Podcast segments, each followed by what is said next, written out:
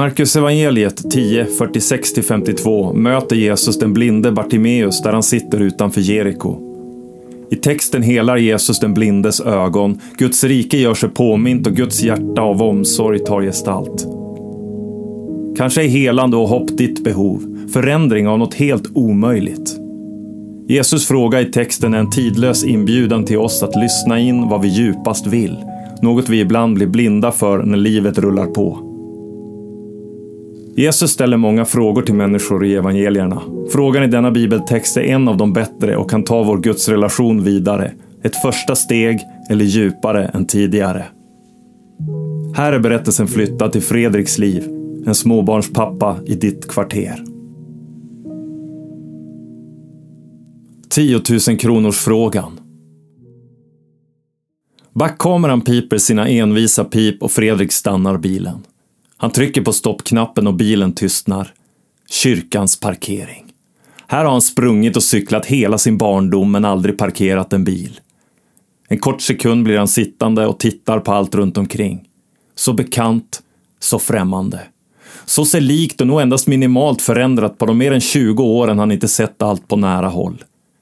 Visserligen kör han ofta i området men svänger alltid höger där man svänger vänster för att komma till kyrkans parkering. Nu sitter han med handen på bilbältets röda knapp och den andra klockan tio på ratten. Han tittar avvaktande på paret som promenerar förbi framför bilen och kommer på sig själv att mumla. Det där är Pontus föräldrar. Fast värst vad de blivit gamla. Till Fredriks lättnad tycks de inte se honom och han inser att allt håller på att utveckla sig till något som liknar en obekväm återträff från nian. Släpp loss mig pappa! ropar en tunn röst från barnstolen i baksätet. Jag vill springa in! Visst, säger Fredrik och öppnar sin dörr, kliver ut och öppnar bakdörren. Leia sitter i sin bakåtvända bilbarnstol som börjar vara för liten för henne och ålar otåligt i sin ljusbruna höstkappa. Den glittriga tunna mössan har åkt på svaj och rastlösheten är både underbar och lite skrämmande för Fredrik. Han knäpper loss bältet och den lilla fyraåringen studsar ut på parkeringen.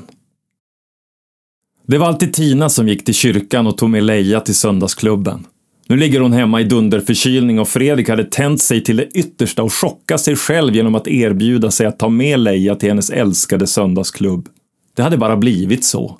Och den beskrivningen gällde det mesta runt Fredrik, tron och kyrkan. Det hade bara blivit så. När han träffade Tina för sju, åtta år sedan och det kröp fram att hon var kristen, eller frälst, som hon brukade säga, var det ingen stor sak för Fredrik. Uppvuxen och fostrad i ett kristet hem och innanför kyrkans väggar med en tonårstid av sportlovsläger och kyrkans fredagssamlingar var det inget problem för Fredrik att Tina var kristen. Fredrik hade tvärtom nästan tyckt att det gjort henne extra attraktiv på något diffust vis. Som att veta att Tina hade sakerna på plats, troligtvis etiskt och moraliskt vettig och genomtänkt. Snygg och frälst. Vilket hade blivit ett stående skämt dem emellan. Tänk att du är både snygg och frälst älskling, kunde Fredrik säga när Tina gjort sig i ordning på morgonen för en ny dag. Eller när de spelat TP eller Ticket to Ride och Tina vunnit, då kunde hon titta på Fredrik tvärs över bordet och säga Så går det om man spelar mot någon som är snygg och frälst. Fredriks egen uppväxt i kyrkan kom på något vis av sig. Lite lurigt hur, men det bara blev så. Det blev inget mer, det tog slut. Inte abrupt och stökigt som för vissa när uppgörelsen med barnatron görs med buller och bång. Det bara blev som det blev. Men då tron och kyrkans värld var Tinas värld var att dela livet med henne också att dela den världen. I varje fall att respektera henne och hennes tro, även om Fredrik inte var övertygad om att det var samma sak. De gav varann utrymme, men Fredrik drog sig för att fråga för mycket kring Tinas känslor runt allt som rörde tron. Varför visste han inte riktigt. Det bara blev som det blev. Att hon gick ensam till kyrkan, att hon alltid tog med Leia till söndagsklubben. Att hon drack kyrkkaffe i församlingsvåningen tillsammans med alla andra utan honom. Att de kom hem till hans dukade söndagsbord. Tar du mig får du Jesus också, hade Tina sagt på en av deras första seriösa dejter, när allt var så laddat att han inte minns vad de åt eller ens om det fanns andra i restaurangen. Fredrik hade chansat. Tagit Tina som var snygg och frälst och hoppats att Jesus kunde lämna honom i fred eller åtminstone inte ta allt för stor plats i hans och Tinas gemensamma liv. För Tina var tron mer än vettig etik och genomtänkt moral. Den var inflätad i alla trådar som var hennes liv. Fredrik hade tidigt insett att hon levde på mer än syre. Hennes pulsslag drevs av medvetenheten att hon var älskad av Gud. Att hon släppt taget om sig själv på ett sätt Fredrik aldrig gjort och inte ens förstod hur han skulle kunna. Sakta och enkelt delade hon vidare sin gudstro till Leia, som troende mammor i ärlig välmening gör. Fredrik hade inget emot det och det hände till och med att han kopplade på autopiloten och läste Gud som haver när han nattade sin dotter. Mer kluvet i Fredriks inre värld blev det när Leia uppfordrande krävde att han skulle be för mormor och morfar eller hamsten Kurre. Då blev det som det blev. Nu var den lilla familjen tillbaka i Fredriks hemstad sedan ett år. Den tumultartade arbetssituationen för Fredrik där hans chef med en psykopats glupskhet åt honom levande hade varit på väg att helt knäcka honom. Det var ett under i sig att han kom undan med livet i behåll. Självförtroendet var stukat, självbilden trasad, men han levde tack och lov. Familjen hade flyttat i hopp om att det kanske skulle ge fast mark under Fredriks fötter, att en nygammal ort kunde ge hans raserade tillvaro bärighet. När Tina bestämt hade velat hitta en kyrka att gå till för att dela trons gemenskap med andra hade han tyckt att hans barndomskyrka varit ett bra alternativ. Det var ju inte en sån galen kyrka utan mer en typ vanlig kyrka. Eller vad visste han egentligen? Nu står han på parkeringen med en fyraårings hand i sin på väg till söndagsskolan, eller söndagsklubben, som Leia med tindrande ögon rättat honom. Tidsmaskinen hade startat och värmde upp motorerna. Starten av gudstjänsten gick över förväntan. Även om minnena som haglar över Fredrik är så många att han till slut inte orkar sortera. Det är dofter, bilder och aningar, ansikten och bortglömda namn. Han minns övernattningen när de skjutit med ärtrör i kyrksalen och hans kompis träffat Jesus på altartavlan, mitt i magen. Han ser ljusbäraren och minns när han en gång tände ett ljus som råkade glida ur hållaren. Ljuset hade slocknat och fast han bara var 14 år då hade han tänkt att det kanske var ett tecken av något obegripligt slag. Musiken låter lite bättre idag än han minns den, men slås av en blandning av obehag och fascination över att han känner igen en av sångerna från när han senast satt i de tvivelaktigt stoppade bänkraderna i sin barndoms kyrka. När en pumpande signaturmelodi brakar loss ur högtalarna drar Leia iväg honom ur bänken och ner för kyrkans trappa till källaren och där hade det i varje fall hänt saker sen sist. Borta är den mörkbetsade pärlsponten och sköna ljusa lokaler breder ut sig. Fredrik kikar nyfiket efter pingisbordet som han sprungit tusen varv runt, men det syns inte till. Men gode gud, är det inte Fredrik Persson? Tanten som störtar emot honom flyger fram som en målsökande robot, omöjlig att ta beteckning för. Hennes ljusblåblommiga blus och veckade knälånga kjol fladdrar av hennes snabba steg. Hej Ulla-Britt, säger Fredrik och böjer sig fram mot den kortväxta krutgumman med pliriga kärleksfulla ögon han har framför sig.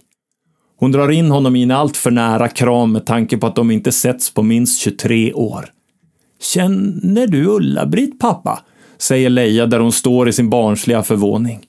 Fredrik Persson, tänk att få träffa dig här igen, utbrister den oemotståndliga söndagsskoleledaren.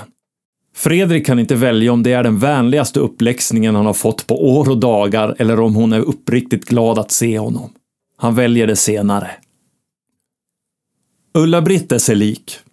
Hon tycks ha den overkliga förmågan att åldras utan att stelna. Att envist göra samma grej i kyrkans källarvåning under gudstjänsttid utan att tappa hjärtats varma slag. Hon älskar barn, Bibeln och Jesus och när de tre är i samma rum, då går hon på moln. Igen invaderas Fredrik av söndagsminnen från sin barndom. När Ulla-Britt redan då var en gammal tant och darrade på rösten när hon bad till Gud. Samlingen hinner bara börja förrän hennes bön skickar Fredrik tillbaka, rakt in i snickarbyxor av jeans och hans favorittröja med Barbapapa-familjen över hela framsidan. Dagens bibeltext handlar om en man som är blind och som sitter utanför staden Jeriko. Fredrik kan inte komma ihåg att han hört den, men den kändes typiskt bibelberättelse från strof 1. Ulla-Britt lämnar inget övrigt att önska från den livfulla berättelsen och Fredrik sitter längre ner i rummet intill ett par andra föräldrar och följer dramatiken hon bygger upp. Om mannens plågsamma situation, om hans desperata rop på Jesus och hur Jesus tydligen stannade upp och gick bort till mannen. Ulla-Britt har olika sjalar och mössor och är som en hel teatergrupp i en person. Den veckade kjolen svänger hit och dit när hon agerar ut hela sitt register av karaktärer som vill tysta den blinde mannen i bibelberättelsen. Leia och de andra barnen som bara brukar kunna lugnas ner av en fulladdad iPad sugs in i Ulla-Britts dramaföreställning. Vad vill du att jag ska göra för dig? Ulla-Britt drar ner röstläget och försöker låta som Jesus själv och frågan hänger i luften. Fredrik låter sina ögon vandra runt i rummet och ser barnen i halvcirkeln framför Ulla-Britt. Utan att riktigt lyssna klart på hennes inövade bibeldrama tittar han på Leia där hon sitter i skräddarställning och leker med högerhanden i hennes lilla försök till fläta. Hur hon lyssnar, tar in och får ett outplånligt intryck av en Jesusälskande krutgumma i blåblommig blus. När Fredrik svänger upp framför deras radhus med hämtpizzor i bagaget känner han den odiskutabla känslan av feber på ingång. Den där halvrysningen som inte går att förneka. Återigen knäpper han loss den livfulla fyraåringen som skyndar mot ytterdörren. Han kommer på sig själv att dra några djupa andetag innan han kliver in i hallen, in i den värld han känner till, tillbaka in i sitt vanliga liv efter en gigantisk söndagsparentes. Ändå är det som om han har fått med sig något annat hem. Kanske var han naiv i sitt erbjudande om att åka till söndagsklubben med Leia, som om det skulle vara ungefär som gymnastikgruppen på tisdagarna. Men så var det inte. Det var något annat i detta. Hela upplevelsen av att åka tillbaka in i en svunnen barndom och på andra sidan inse att allt och totalt ingenting är annorlunda.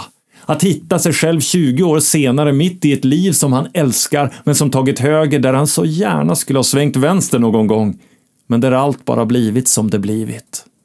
Mötet med Ulla-Britt rörde om långt mer än funderingarna på ett försvunnet pingisbord. Det var något i alltihop som var djupt omtumlande.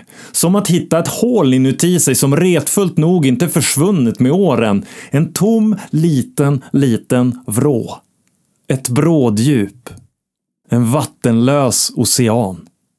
Eller så är det febern, tänker Fredrik och går ut till Tina.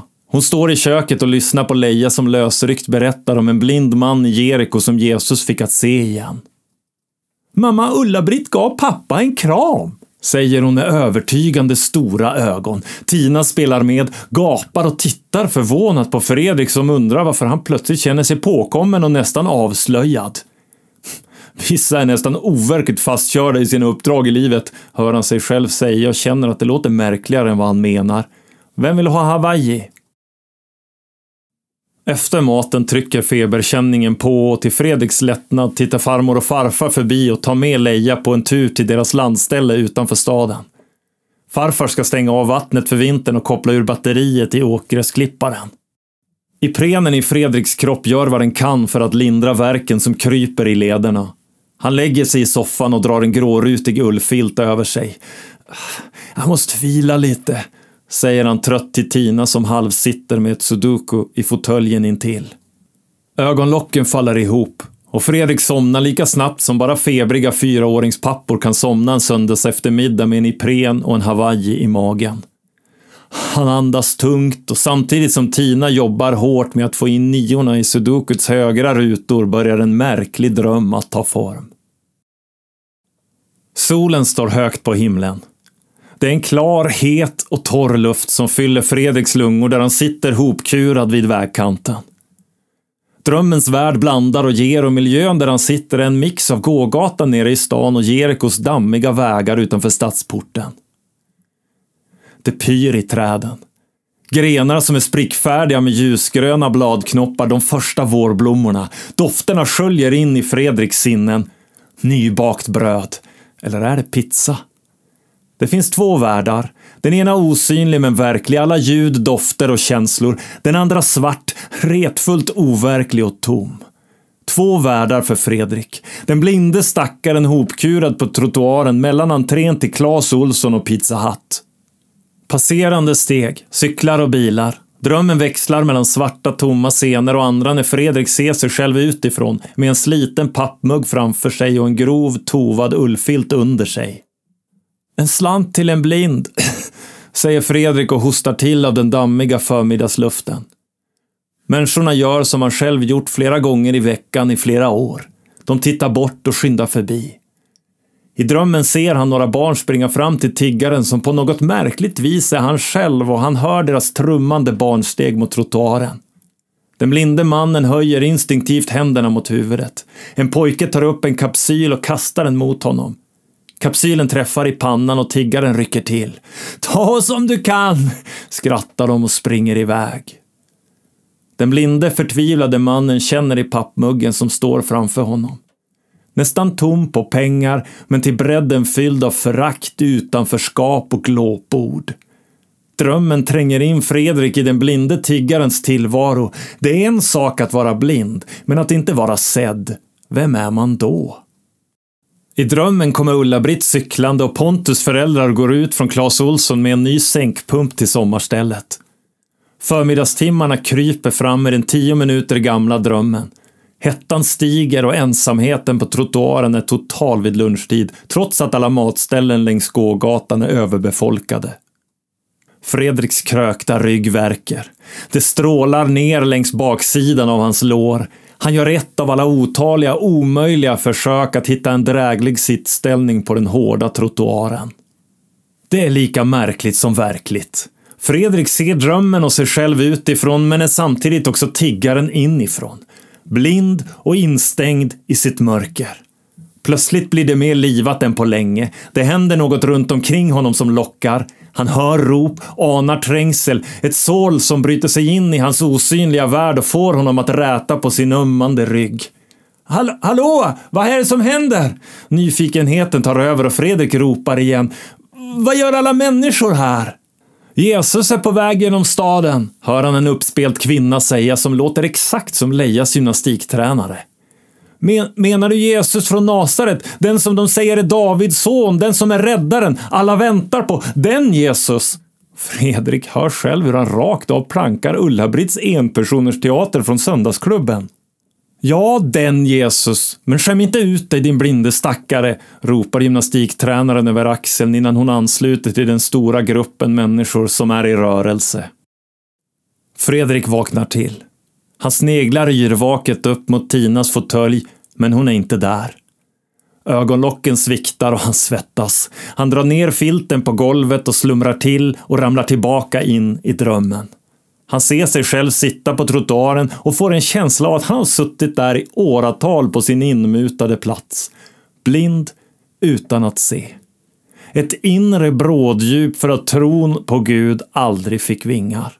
En vattenlös ocean. Jesus, Davids son, förbarma dig över mig! Fredriks första strof är inte mer än en viskning. Orden är ovan och tonfallet tveksamt. Hjälp mig! Han snubblar på orden och väntar osäkert en sekund. Men sålet av folkmassan och bilarna som tutar driver fram något ur Fredriks hjärta som han knappt visste fanns. Det är nu eller aldrig. Jesus, bry dig om mig! Hallå, hör du mig? Ropet är inte efter pengar till en trött pappmugg. Det kommer så djupt inifrån att Fredrik nästan blir rädd för sin egen desperation. Jesus, hör du mig? Kan någon tysta det där pinsamma blindstyret? Hör han en lösryckt stämma ropa ur hopen. Ja, håll käften din värdelösa människa! Väser en annan som visar sig vara Fredriks chef från hans tidigare jobb. Den man som med psykisk terror nästan knäckte honom för förra våren. Hans chef går fram emot honom och ger honom en örfil. Smällen får halva ansiktet att domna och svida, men Fredrik är ostoppbar. Han har nått en punkt när inget annat spelar någon roll. När inget kan tysta eller kväva, när längtan briserar. Ett rop ur bråddjupet. Jesus, förbarma dig över mig! Hjälp mig, snälla! Plötsligt tystnar trampandet på trottoaren. Det är som om alla försvunnit på ett nu.